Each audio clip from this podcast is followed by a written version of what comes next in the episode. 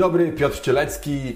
Dzisiaj mam dla Was jedną prostą zasadę, zasadę, której przestrzeganie sprawi, że Wasze dni, nawet te trudne, będą odrobinę lepsze, spokojniejsze, mniej stresujące, a nawet, nie bójmy się tego słowa, szczęśliwsze i bardziej wypełnione sensem, takim poczuciem, że to, co robicie, ma znaczenie.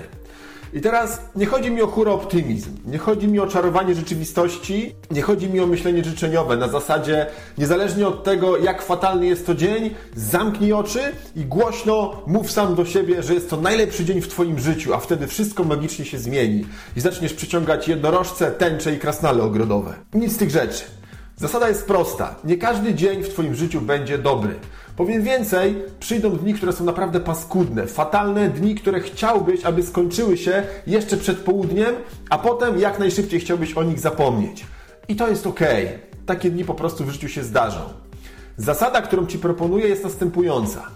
Kiedy szykuje się taki trudny dzień, taki dzień budowania charakteru, to wstając rano z łóżka, umów się sam ze sobą, że ten dzień będzie tylko tak zły, jak musi być. Że nie sprawisz, nie pozwolisz, aby ten dzień był odrobinę gorszy niż musi. Przykładowo, czeka Cię w pracy trudna rozmowa z szefem. Masz dwa scenariusze. Pierwszy jest taki, że wstajesz i od rana jesteś wkurzony. Warczysz na dzieci, które nie chcą się szykować do szkoły, krzyczysz na psa, który nie chce spacerować w deszczu, a potem kręcisz nosem, kiedy żona podaje ci ugotowane jajka, które o minutę za długo były w garnku i zamiast na wpół miękko, tak jak lubisz, są na twardo.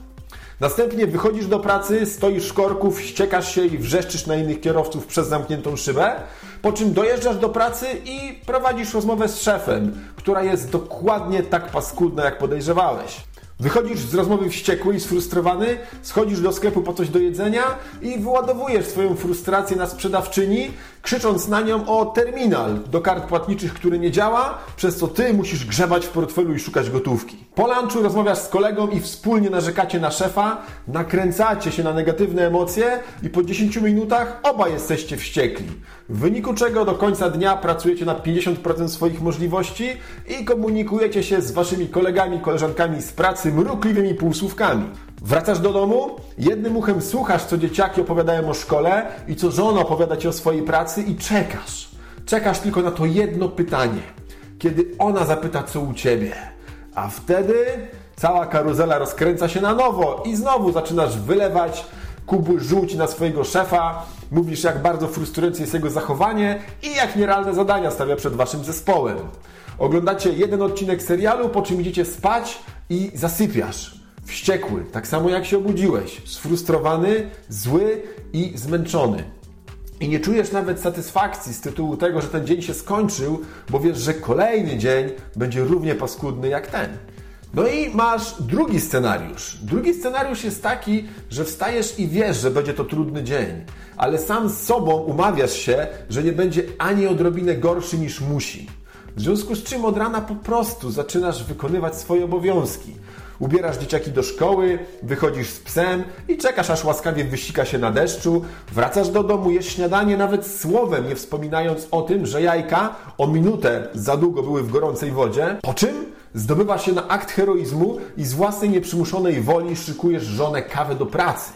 I to nie byle jaką kawę zrobioną na odczepnego, tylko jej ulubioną kawę wsypaną w odpowiednich proporcjach, zmieszaną z gorącą wodą i z mlekiem bez laktozy, a na końcu doprawioną dwoma kawałkami słodzika. I to wszystko zamknięte w termicznym kubku i podane żonie tuż przed wyjściem do pracy.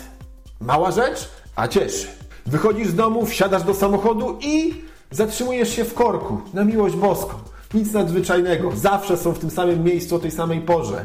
Więc nie wściekasz się na niego bez sensu, tylko stać cię na samochód, stać cię na paliwo, doświadczasz korka. Odpalasz sobie audiobooka, słuchasz muzyki i w ten sposób dojeżdżasz do pracy. Tam spotykasz się z szefem i odbywasz rozmowę, która jest dokładnie tak koszmarna, jak podejrzewałeś od początku. Po rozmowie schodzisz do sklepu i tam uśmiechasz się do dziewczyny, która sprzedaje słusznie i bardzo rozsądnie, zaskarbiając sobie sympatię osoby, która podaje ci jedzenie. Po lunchu rozmawiasz z kolegą i śmiejecie się z szefa oraz jego wybuchów furii Oraz ustalacie, że w poniedziałek zwołacie spotkanie zespołu i przegadacie, co możecie zrobić, żeby wyniki w przyszłym miesiącu były odrobinę lepsze i żeby szef nie musiał się wściekać aż tak bardzo. Po południu wracasz do domu i tam słuchasz, co dzieciaki robiły w szkole.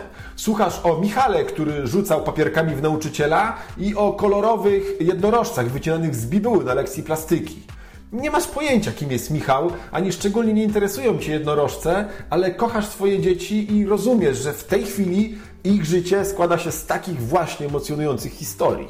Po kolacji z żoną oglądacie serial, kładziecie dzieci spać, idziecie do sypialni i uprawiacie seks. Seks jest fajny. Wreszcie zasypiasz z uczuciem przyjemnego zmęczenia i ze świadomością, że to był naprawdę produktywnie spędzony dzień. Co więcej, ten dzień mógł być naprawdę koszmarny ale nie był. Dzięki Tobie.